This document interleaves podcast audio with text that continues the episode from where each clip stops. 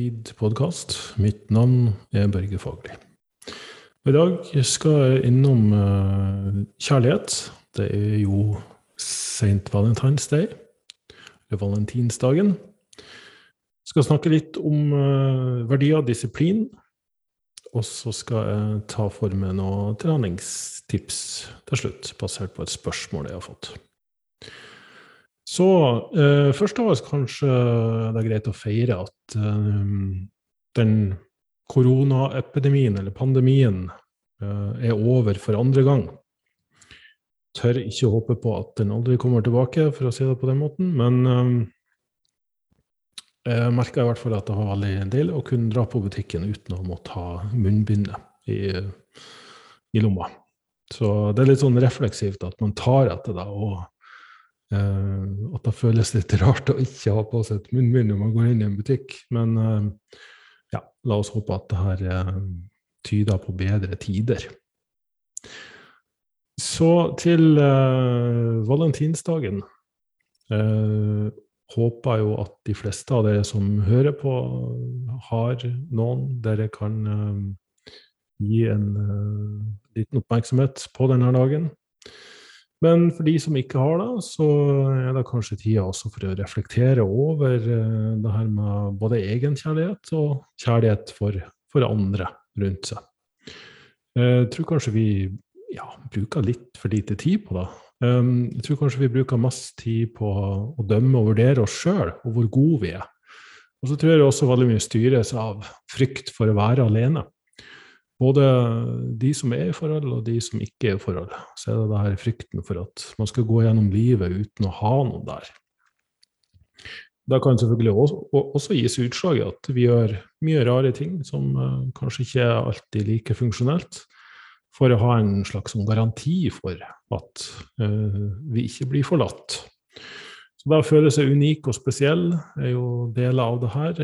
Uh, føle seg sett og ironisk nok, da, så er det jo mange som gjør veldig dysfunksjonelle ting, eh, og da mener jeg at de kanskje går og holder ting skjult, at de spiller roller, at de forsøker å være noe de egentlig ikke er, eller føler seg hjemme i. Eh, rett og slett opptrer på tvers av sine egne verdier. Eh, rett og slett på, av at uh, de ønsker å høre til, og de ønsker å bli likt. Uh, og så tror de at det ikke er nok å bare være seg sjøl. Det er klart, det her kunne vi ha snakka veldig mye og lenge om. Men jeg tror det er fint å ha denne dagen og, og denne episoden på denne dagen til å reflektere litt om det her med å, å, å, se kjærlighet for det det egentlig er.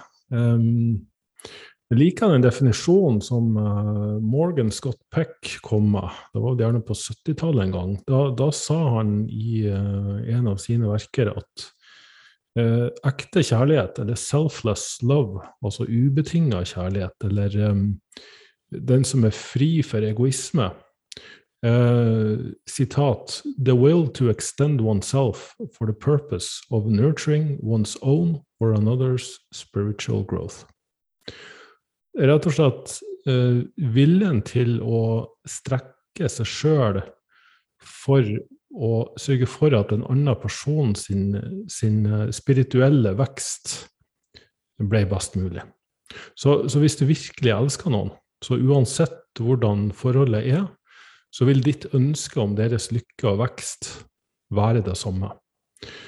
Men det betyr selvfølgelig ikke at du er helt skjerma fra å føle sorg eller tap det, det, følger på en måte med på kjøpet. Eh, men jeg vil liksom ta et lite sånn oppgjør med den romantiske ideen, den rosa-varianten, der ja, vi er litt sånn i Disneyland og Hollywood samtidig.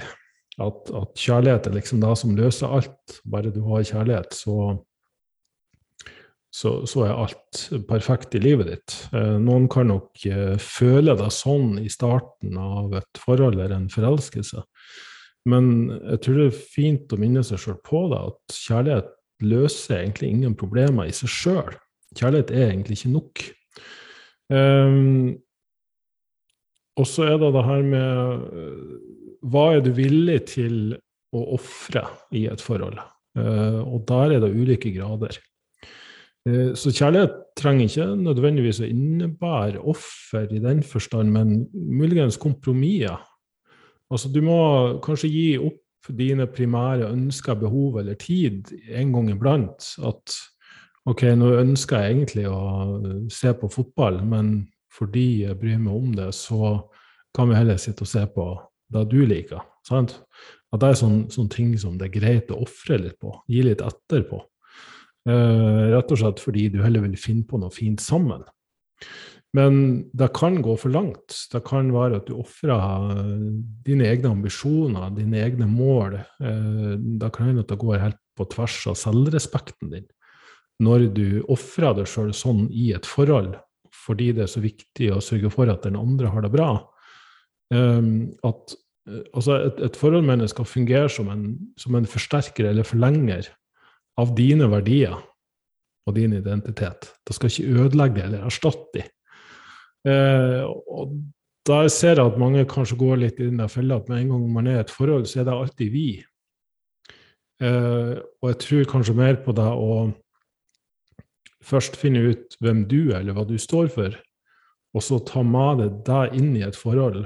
Eh, og så forvente eller ønske da at den andre skal gjøre det samme. For da blir det en større sånn synergieffekt. At dere to sammen vil være mye sterkere enn summen av dere to skulle tilsi, eh, hvis, hvis du følger tankegangen min her. Um, og selvfølgelig også være innstilt på at det vil komme konflikter, det vil komme utfordringer og problemer.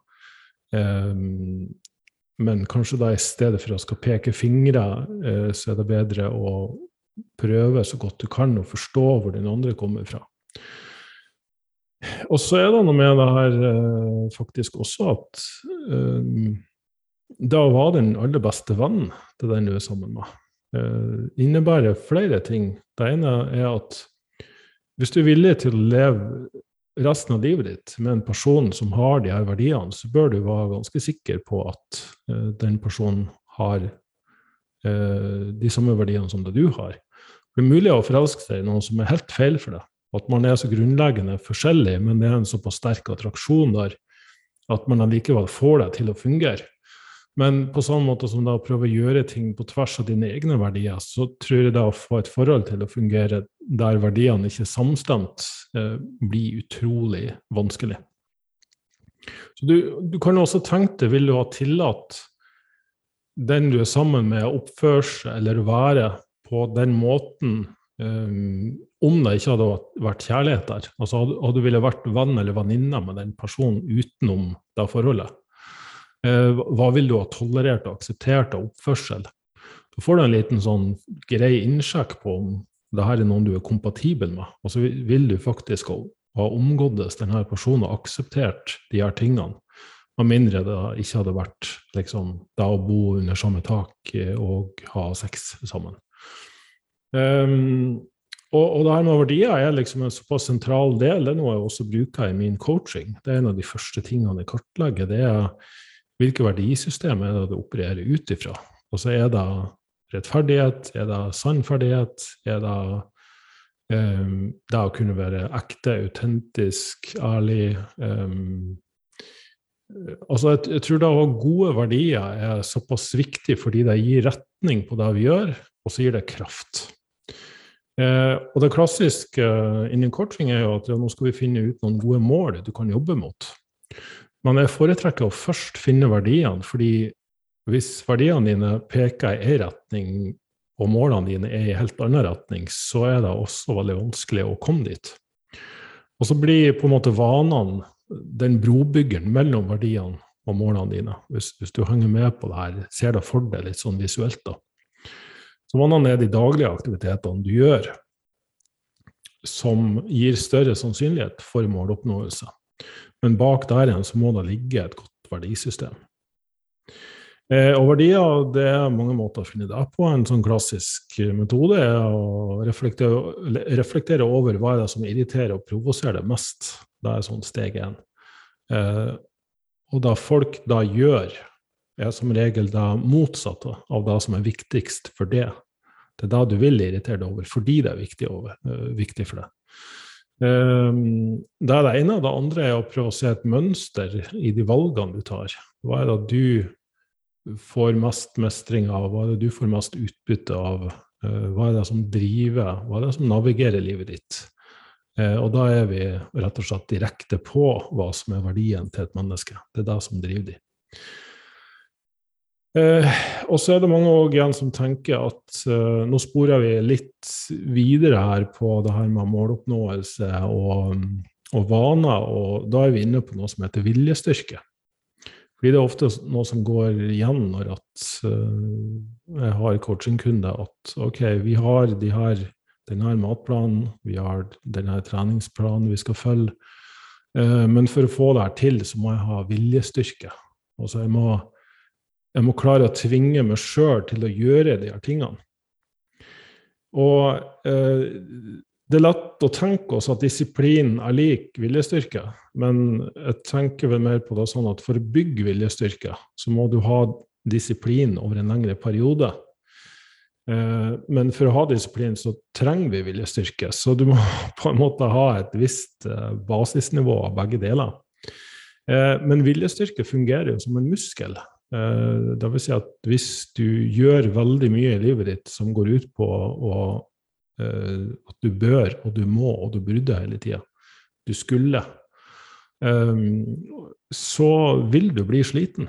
Da vil du bli utmatta. Den klassiske er å være på jobb en hel dag, og en bonus da for å forstå det her er at du er i en jobb som du ikke liker spesielt godt. Og da er trangen til å belønne seg sjøl med søtsaker, alkohol eller eh, la oss nå ikke håpe at det er tilfellet, men uh, narkotiske stoffer, uh, sex uh, og ja, i, i, mildere fall og kanskje i sunnere fall ulike hobbyer som du bare syns er veldig belønnende å holde på med. Um, og da, da, er det rett og slett fordi du lider av noe som heter egoutmattelse. Egoet da som på en måte kan sies å være bygd opp av hvilke verdier du har, Jeg er blitt slitent fordi du har måttet forholde deg til så mye som du ikke liker å gjøre. Eh, og det er også en viktig kartlegging å gjøre.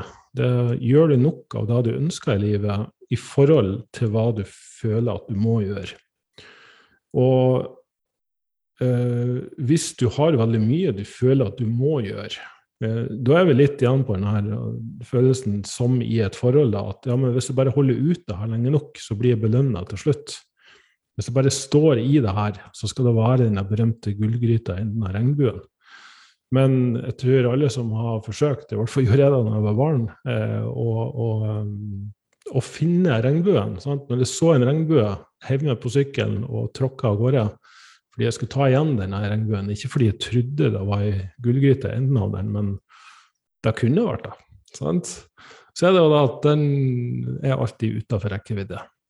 Og sånn tror jeg det også er litt med livet, at hvis vi hele tida jager regnbue, så, så, blir du bare sliten.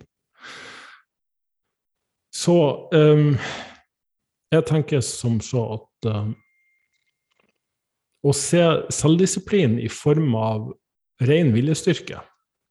Eh, det vil òg innebære at du vil dømme deg sjøl ekstra hardt når det her ikke funker. Altså vil, når det her faktisk ikke funker, for det gjør det ikke. Eh, livet møter det optimale hele, hele tida, og så knekker det. Og så ender det opp med å gjøre ting som du er skamfull over eller ikke liker med deg sjøl. Eh, men det gjør det faktisk bare mye verre at du også skal dømme deg sjøl for å prøve hardt på noe som faktisk i utgangspunktet er dømt til å mislykkes. Sånn, da hadde du satt deg sjøl opp for å, å, å, ha det for jævlig.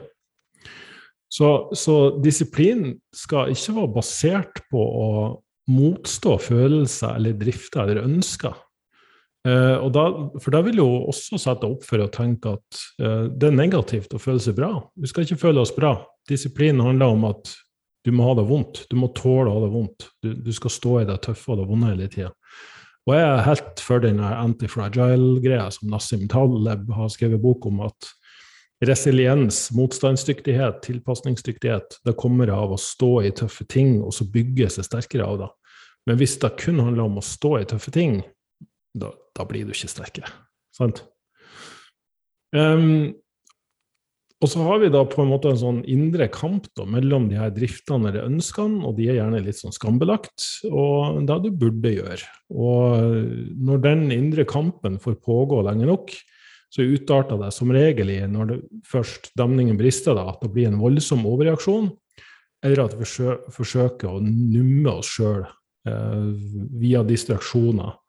Eh, som da liksom mat, eh, alkohol, eh, sosiale medier, eh, eller til og med ultraløping, for de som har hørt på en tidligere podkastepisode. Kan også gi seg utslag i arbeidsnarkomani. Så disiplin må jobbe med og ikke mot følelsene dine og ønskene dine. Eh, og da må starte med at du begynner å akseptere det sjøl i større grad. Og så rett og slett slutte med den evige mobbinga og dømminga av, av deg sjøl som person. At eh, det er liksom greit å Hva skal man si, da? Eh, du er ikke et dårlig menneske, eller eh, du fortjener ikke å ha det bra bare fordi du har noen dårlige egenskaper eller atferd. Det, det, er greit å anerkjenne at du er et menneske. Mennesket er av natur uh, fucked up. Unnskyld språket. Og vi har positive og negative sider og attributter og handlinger og tankesett. Og det, altså det, det, er forskjell på å ha skylda for noe og å ha ansvar for noe. Så, så selv om det er ikke de skyld at ting er blitt sånn som de er blitt, så er det fremdeles ditt ansvar i å forstå det her og ta tak i det. Så, så, er det ting du misliker ved deg sjøl, så kan du i hvert fall se på om nummer én kan leve med det her, kan jeg finne en måte å ha det her i livet mitt og allikevel ha det bra? Kan jeg finne en stressfri grunn til å fortsette å tro at det her er sant? Det er ikke alltid det er sant, men det er en annen diskusjon. Um, eller er det noe jeg, jeg kan jobbe med? Så, så, poenget er liksom bare å unngå å falle i denne fella der. At du kategoriserer deg sjøl, putter deg sjøl i en boks uh, der du er en bestemt person fordi du har atferder eller handlingsmønster som er automatisk, som du ikke klarer å kontrollere, rett og slett fordi de er automatisk. Eh, og så bare mislike og hate deg sjøl enda mer fordi du ikke klarer å kontrollere noe som er ukontrollerbart. Sant? Jeg håper, du skjønner greia her. Så du skaper en mye større gevinst av å se nærmere på det du ikke liker med deg sjøl, heller enn å forsøke å unngå det eller rømme fra det. For hvis du alltid bare unngår det, eller distraherer deg sjøl fra det, eller havner i de evige samvittighetsbaserte overreaksjonene, eller har en flyktreaksjon på det, så vil det veldig ofte kunne forsterkes. Det vil i beste fall vedvare. Og potensielt dukker det opp andre steder som ulike irrasjonelle atferder og handlingsmønster. Nå, skal jeg ta et veldig mildt eksempel. Jeg tror jeg har nevnt det på podkasten før. men Eh, det her vet samboeren min også. Når Børge setter seg ned og begynner å se veldig mye på biler på Finn, da er det noe annet i livet som må adresseres. Da, da er det noe du bekymrer deg over eller er urolig for. Når fristen til å begynne å bruke penger på bil kommer over meg, da, da er det noe på ferde som bør ses på. Så, så det er en av mine mønstre. Eh, det kunne vært verre, og jeg har ting som er verre også, for den saks skyld. Men, men, det er i hvert fall en av de som er veldig sånn åpenbar. Og det betyr selvfølgelig ikke at det vonde forsvinner, men det betyr at du kanskje klarer å finne en dypere mening med å tåle det vonde og stå i det vonde, og klare å snu deg til noe du faktisk kan bruke til noe produktivt. Og bonus med alt det her er jo at når du blir en person med selvinnsikt som er venn med både dine gode og dårlige sider, og har større bevissthet rundt deg, så vil du bli mer attraktiv. Du vil også kunne fungere bedre i forhold. Eh, jeg har sjøl sett at mange konflikter jeg havna i med de jeg har vært i forhold med, har oppstått fordi jeg ikke sjøl har adressert min egen greie. Eh, og da er det fort gjort å peke en finger, og den peker utover, ikke mot deg sjøl. Så eh, jeg tenker det kan være ja, kanskje litt heavy på uh, Valentine's Day å snakke om de her tingene, men Ikke vær den som bare ønsker å ha et forhold fordi du er redd for å være alene ja, og syns at det er vondt. Bruk den muligheten, da. For den, den, den, typiske vet du, fra de som rømmer ut av forholdet hele tida og ikke klarer å være i de, den der jeg må finne meg sjøl. Jeg må reise bort, jeg må slutte i jobben, jeg må den typiske overreaksjonen. Jeg må kutte ut alt. Øh, reise til Bali og feste vilt for å finne meg sjøl. I bunn og grunn er det å finne seg sjøl kun snakk om å finne hvilke verdier som styrer livet ditt. For hvis du først har de, så har du som sagt retning og kraft på det du holder på med. Og da er det mye finere å være i forhold med det. Og da vil du også merke at kompasset ditt og radaren din blir mye mer finjustert uh, på hvem du havner i forhold med. Så, så her er òg en klassisk greie. De som alltid havner i forhold med noen som er feil for dem. Eh, de som blir ja, mishandla og Altså, ikke mishandla, kanskje, da drar jeg deg litt langt, sjøl om de også inkluderes her. Men de som blir dårlig behandla og, og, står i det og tolererer det, eller som, som stadig vekk må, må, klage over det, eh, fellestrekket der er at ok, men da har du ikke brukt nok tid på å finne ut av det sjøl. Hvem er du? Hvorfor skal ikke du fortjene å ha det bra? Hva er det du driver og dømmer og vurderer deg sjøl veldig mye over? Eh, hva er det du skammer og, skammes over? Um, og det er klart, det kan være jeg, jeg, jeg, krever ikke at noen skal gå årevis i terapi for å finne ut av de her tingene, men i hvert fall det å kunne sette nok egentid Ja, det var en referanse til podkasten.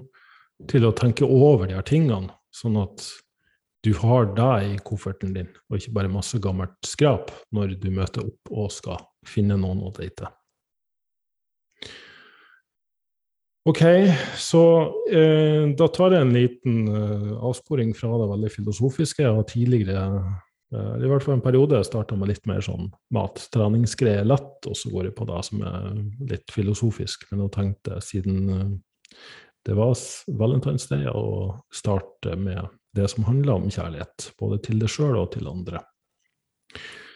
Eh, det neste det var egentlig et spørsmål du fikk, um, eller mange spørsmål.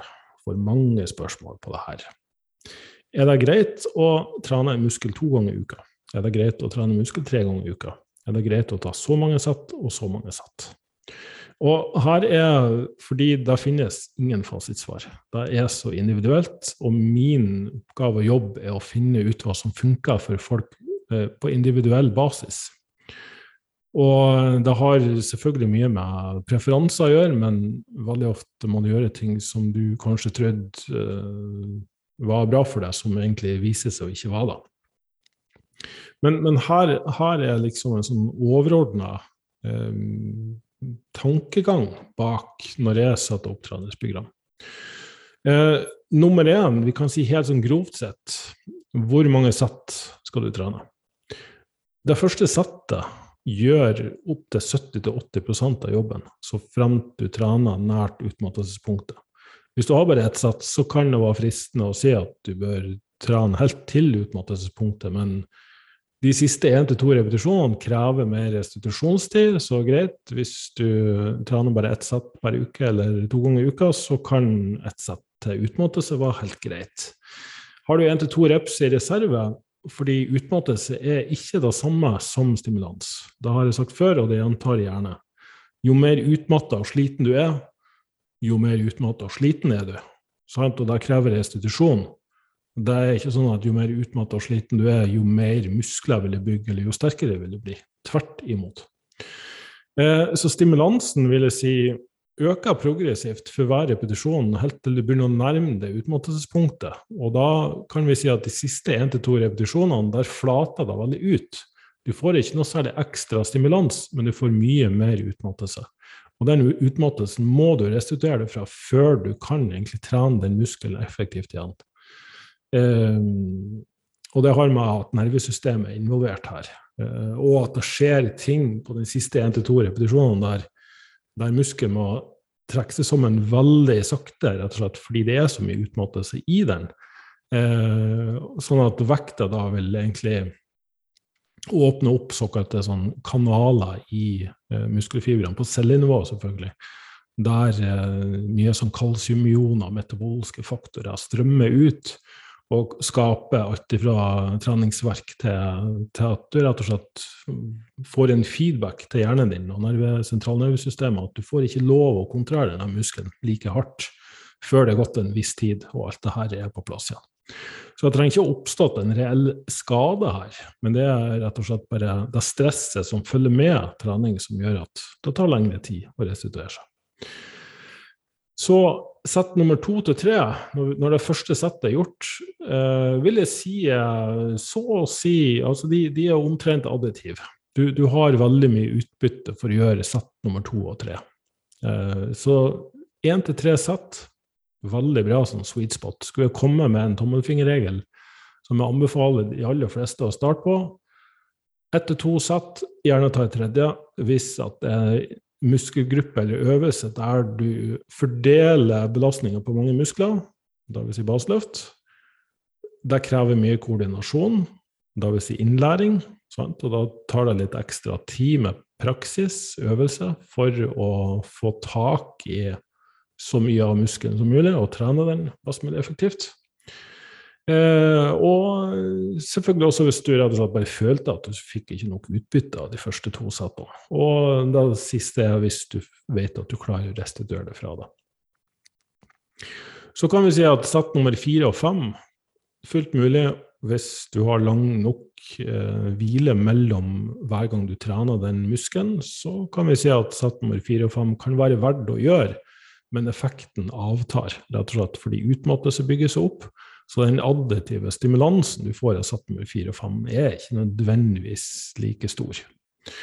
Og jo flere sett du tar, mindre og mindre effekt får du ut av det. Så når vi snakker om sett seks, sju, åtte, og selv om du har bytta øvelse, greit, har du at det overlapper andre muskelgrupper, så kan vi kanskje forsvare det, men hvis du trener benkpress, og så trener du pickflies, og så trener du flatbank med manualer, og så trener du en maskinøvelse i samme plan, så, så, kunne du like gjerne ha valgt én, maks to øvelser.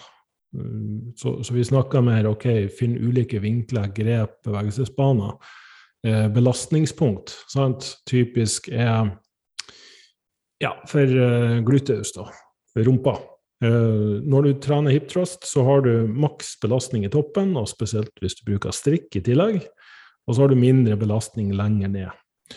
Mens du på en utfallsvariant strekke rumpa, eller dype knebøy, da, kan også ta med den, så har du mer belastning i bunnposisjon og bevegelsen når muskelen er under strekk. Så de to kan komplementere hverandre. Eh,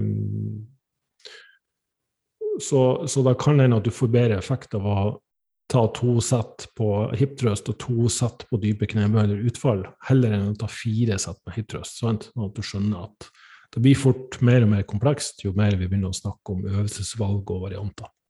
Så jeg skal ikke blande inn for mye av det. Men min tanke er i hvert fall at hvis du begynner å komme over fem-seks sett og oppover der, og det er noe du tror at du trenger, så må du ofre på frekvens. Da må du forvente at det tar lengre tid å restituere seg. Så, så da kan du ikke trene hver like ofte.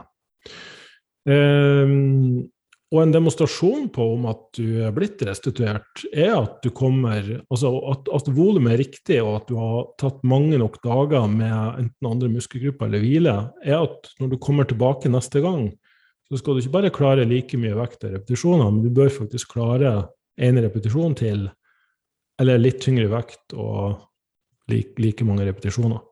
Med mindre du øker belastninga veldig mye. sant? Så går du fra 50 til 60 kilo, så har du økt belastning med 20% Og da er det jo ikke så rart at uh, du tar færre repetisjoner. Men du bør i hvert fall kunne oppleve en økning, progresjon, på 2-3% fra trening til trening. Og da innebærer én ekstra rep eller en belastning som er 2-3% tyngre og samme repetisjonsantall. Eh, nå føler jeg at det er mange som noterer ivrig der ute, og da, det er greit. Så um, hvilke muskelgrupper krever lengre restitusjonstid? Uh, da kommer an på to ting i all hovedsak. Det er hvor mye du klarer å aktivere den muskelen, altså bruke den øvelsen, og hvor mye eksplosive type 2-fibrer de har. De eksplosive er de som kan kontrahere seg hurtigst, med størst kraft og har en litt annen sammensetning enn de mer langsomme type 2-fibrene. Eh, et menneske har i gjennomsnitt 50-50-fordeling på langsomme type 1 og mer eksplosive type 2. Og type 2 kan også kategorisere opp i flere typer. Men enkelte muskelgrupper har mer dominans av den ene enn den andre, og enkelte mennesker har mer dominans av den ene eller den andre. Og da viser det seg faktisk også at fibertyper kan endres gjennom et liv med trening, eh, der de har sett på identiske tvillinger, eh, enegga tvillinger, som den ene trente maraton og den andre trente vektløfting.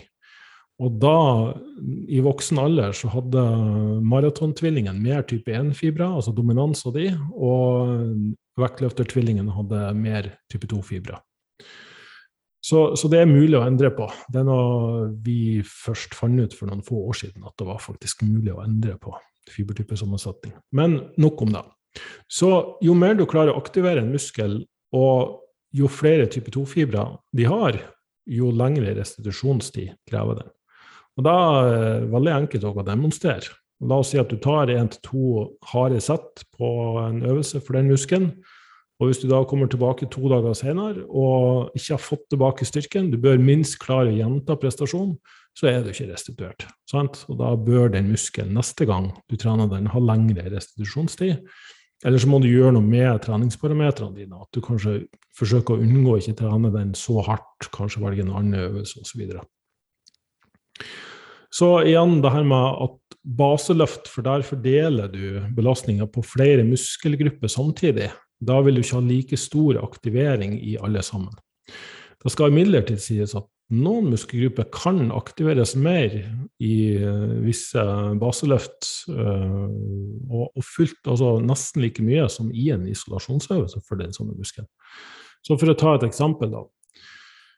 I benkpress så trener du brystmuskelen, triceps og forsida av skulder primært. Det er litt eh, sånn støttemuskulatur som er involvert også, men eh, bare for å gjøre det her litt enklere. Eh, så hvis du trener brystmuskelen mer isolert med en sånn Pectec Flies-maskin, eller en ja, står i et kabeltrekk og kjører sånn crossover eller noe sånt, og så kjører du en isolasjonsøvelse for skuldra, f.eks. at du tar en kabeløvelse der, eller en manual, at du bare løfter den rett opp og fram, fronthau, og så tar du en kabeløvelse for triceps, eller manualøvelse, alt etter sånn, der du i tillegg kanskje strekker den litt. For strekking kan også i visse tilfeller ha en bedre, bedre effekt, hvis muskelen er strekkbar. Eh, så kan vi anta at de Og si at du hadde kjørt ett sett på hver av de. De eh, enkeltsettene på hver av de muskelgruppene vil ha en større um, et større krav til restitusjon enn om du hadde tatt ett sett med benkpress. Og det er selvfølgelig òg fordi du har tatt tre forskjellige øvelser og brukt lengre tid på det. Men det er mest av alt fordi du har isolert den muskelen og jobba kun med den, så da har du fokusert belastninga mer på akkurat den muskelen. Eh, men så er det selvfølgelig òg ulik sammensetning, grovt sett. Eh, og så er det òg forskjell i hvor godt en muskel kan aktiveres. Så det er faktisk noen muskelgrupper som er vanskeligere å aktivere. Eh, de er rett og slett bedre beskytta mot aktivering, fordi eh, fysiologien din vil unngå at de blir for sliten. Så eh, eksempel på muskler som er vanskelig å aktivere med, med liksom høy grad av eh, kraft, det er kvadriceps og leggmuskler. Altså musklene på forside lår og leggene. Og du kan sannsynligvis gjette hvorfor. Det er fordi vi går og står på de store deler av dagen. Så uh, tradisjonelt sett ser vi at uh, beina de tåler mer, altså flere satt, Og de tåler å trene oftere. De restituerer seg raskere selv om du har trent fire-fem satt på dem. Eh, det betyr ikke at du må da, men du kan da. Du vil se at du klarer å øke, eh, selv om du da trener beina tre ganger i uka. Så må du òg huske på at om du trener de oftere med samme øvelser, så vil det kreve lengre restitusjonstid enn om du hadde variert øvelsesutvalget og dermed fordelt belastninga litt mer. Så hvis du ønsker å trene mer enn tre ganger i uka, så kunne du nok heller ha sagt at ok, dag én knebøy eller bein, beinpress, alt ettersom. Dag to kanskje en isolasjonsøvelse, sånn som leg extension eller beinspark. Eh, og dag tre er kanskje en ettbeinsvariant, en eller annen utfallsøvelse, bulgarsk splittbøy, eh, step-ups, et eller annet sånt. Da har du større sannsynlighet for å klare deg enn om du trener knebøy tre ganger i uka. Er du styrkeløfter, så må vi kanskje forsvare at du bør trene tre ganger i uka, men eh, de som er styrkeløftere eller har trent ifølge de norske programmene, vet at der trener de ikke nødvendigvis veldig veldig tungt og til utmattelsespunktet. Nettopp for det som jeg har sagt her, da kan du trene oftere. Da får du mer øvelse på eh, den bevegelsen, og dermed kan du bli Fordi du øker koordinering, sant, så kan du få styrkeutbytte bare av det. Henger du fortsatt med? Ja, håper det. Jeg prøver å gjøre det her så enkelt som mulig. Men bare sånn at du skjønner hva som foregår i hodet mitt når jeg setter opp programmet og hvorfor jeg fremdeles har litt motstand på å sette opp standardiserte programmer. Fordi det er ikke bare det her som må involveres, men det er faktisk også de individuelle forskjellene da, mellom mennesker. Og hvor godt trent du er. Sant? Er du nybegynner, viderekommende eller avansert? Så hvis vi går helt til toppen, da. De som har både mye type 2-fibre og høy aktivering, de musklene som det er faktisk enkelt å få tak i alle muskelfibrene på samtidig, det vil også innebære at de taper mye styrke etter trening. Biceps og triceps. Og hva er da 16-årige gutter full av kreatin og proteinshaker, elsker å trene nesten da, hver dag? Biceps og triceps. Hvilke muskler er da gutter full på kreatin og protein sliter mest med å bygge stor? Biceps og triceps. Så ja. Eh, det er ikke alltid at den indre visdommen er kalibrert med fysiologisk realitet, for å si det på den måten. Eh, jeg vil også inkludere pectoralis her, altså brystmuskelen. Eh, den har i hvert fall like mye type 2-fibersammensetning, veldig ofte i hvert fall. Og det er relativt lett å aktivere den. Det er en større muskel, så den faller litt under biceps og triceps. Dvs. Si at den kan potensielt trenes med litt flere sett og litt oftere, men eh, ironisk nok er det de her biceps, triceps og, og bryst show-off-musklene i stor grad, som egentlig tåler minst trening før du taper mye styrke etter trening, og det tar lang tid å restituere seg igjen. Eh, så, så, jeg vil si kanskje en av de beste strategiene det er jo enten å trene litt mer brosplit. Det vil si, du må gjerne ta en del sett og, og, og sånn på de, men trene bare én gang i uka. En mulighet. Men det er veldig vanskelig å få til, nettopp fordi biceps og triceps brukes indirekte i så mange muskelgrupper. Så, så du kunne trent biceps hvis du hadde trent si roing tre ganger i uka. Da, for da hadde biceps indirekte blitt trent, men ikke direkte med Altså hadde du lagt på bicepscurl i tillegg, da, da, kan du egentlig bare glemme det. Også, det er veldig vanskelig da. Eh, så den der myten om at eh, det fordi det er små mus muskler, så tåler de mer og kan trenes mer oftere, det er direkte feil. Det er helt motsatt, faktisk. Eh, det andre er jo å tenke litt sånn som styrkeløfterne. At trener du med litt mer reps i reserve, gjerne ha på lavere reps, sånn at du er nærmere det her området der vi kan si at hver repetisjon teller. da. For det er et visst sånn område der du må, du må til en viss nærhet av utmattelsespunktet, med mindre vi snakker vekter mellom ja, typ 5 til 8 rep maks. Da har du ganske grei aktivering fra første repetisjon. Eh, og da kan du trene benkpress f.eks. tre ganger i uka, men de styrkeløfterne har forskjellige varianter av benkpress. Forskjellige grep, med og uten strikk, kjetting, eh, til kloss. Altså, de går ikke alltid like dypt. Eh, med stopp, uten stopp. Sant? Mange forskjellige måter du kan gjør det mer overkommelig på. Eh, for muskelmasse så kan vi muligens argumentere for en litt Tillate den litt lavere frekvensen, sånn at du kan trene de musklene effektivt når du først er på gymmet. da. Så går vi til neste, som der det er mulig å aktivere muskelen kraftig, men det er mindre type 2-fibrer, altså hakke under de ovenstående her. Og det er hamstrings, altså bakside lår, Så er det lats, latissimus dorsi, dvs. Si den brede ryggmuskelen. Og så er det til en viss grad skuldre, selv om der er det forskjell på både det forreste og det mediale og det um, bakerste hodet. Um, så igjen, det her blir helt sånn grovt. Jeg skal ikke gå så fryktelig mye mer i detalj på det, for jeg føler jeg allerede har forvirra mange av dere der ute nok, som sliter med å henge med på alle de her faguttrykkene. Um, men, men, de musklene må også kanskje utvises forsiktighet med når det gjelder å trene de for ofte.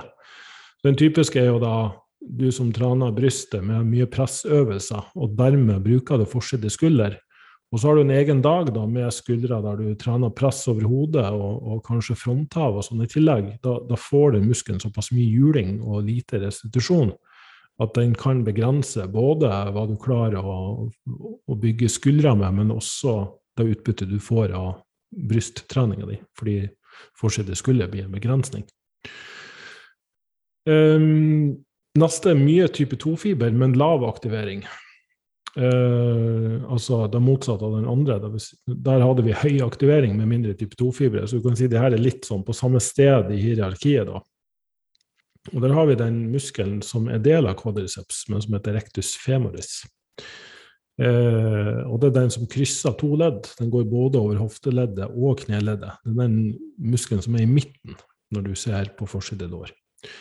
Eh, og den kan jo da også trenes oftere og med høyere volum. Og helt nederst igjen har vi da en nevnte i stad, som var lav type 2-fiberforhold og lav aktivering. Vanskelig å få tak på de musklene og trene godt. Kvadriceps og leggmuskler. Så eh, utenom der har vi jo gluteus, altså setemuskelen. Den er et sted midt på treet her og kan variere litt. Og den trenes indirekte i mange av de øvelsene vi bruker for både forside og bakside lår. Så det skal ikke så fryktelig mye direkte trening på de. Eh, jeg har noen som ønsker å prioritere den muskelgruppen. 99% av de er jenter, naturlig nok. Eh, og da kan vi gjerne ha to dager dedikert til mer rumpefokus, men da får de også litt beintrening sammen med de hiptrøstene og de øvelsene vi gjør for den muskelgruppa. Eh, en av mine favoritter er f.eks. å kjøre ettbeins hiptrøst på en steppkasse over kroppen på en benk. Og så tar du en liten pause, og så tar du bulgarsk splittbøy eller splittbøy eller utfall med samme bein forover på kassen som du nettopp hadde på kassen når du trente hiptrøst. Og så bytter du fot og gjør det på andre sida. Da får du både trene den kontraherte delen og den strekte delen. Og akkurat den muskelen ser ut til å respondere veldig bra på den kombinasjonen. Da er vel ikke så mye mer enn det jeg vil si om akkurat øvelsesvalg, fordi det kan fort bli enda mer komplekst og komplisert enn det. All right. Da ble det litt sånn praktisk på slutten her. Eh, jeg fikk snakka om mye denne gangen, føler jeg. Håper at du har fått eh, utbytte av den. Jeg har fått flere spørsmål og temaer jeg kan ta opp i podkasten. Eh, noen av de er ganske heavy og mm, ja, kanskje ikke egner seg så godt for podkastformat. Noen har relativt enkle svar som ja, jeg gir det tillatelse til å hvile mer fordi kroppen trenger det. Jeg trenger ikke å snakke om det en halvtime på podkasten. Eh, men bak der igjen så ligger jo kanskje noe av det vi snakka om først her, om kjærlighet og egenkjærlighet, verdisystem og selvaksept. Så jeg håper at de menneskene også fikk svar på det de lurte på. Da vil jeg bare si tusen takk for at du lytta, og uh, håper du fortsetter å følge og like og kommentere og gi meg tilbakemelding. Fordi det er en, en mann og en relativt liten podkast, men jeg ser at det er mange der ute som liker å høre på, og jeg vil bare dere alle sammen skal vite at jeg setter utrolig stor pris på det. Takk for meg, og ha en fortsatt fin Valentine's Day, eller når du nå enn hører på denne podkasten. Ha det bra.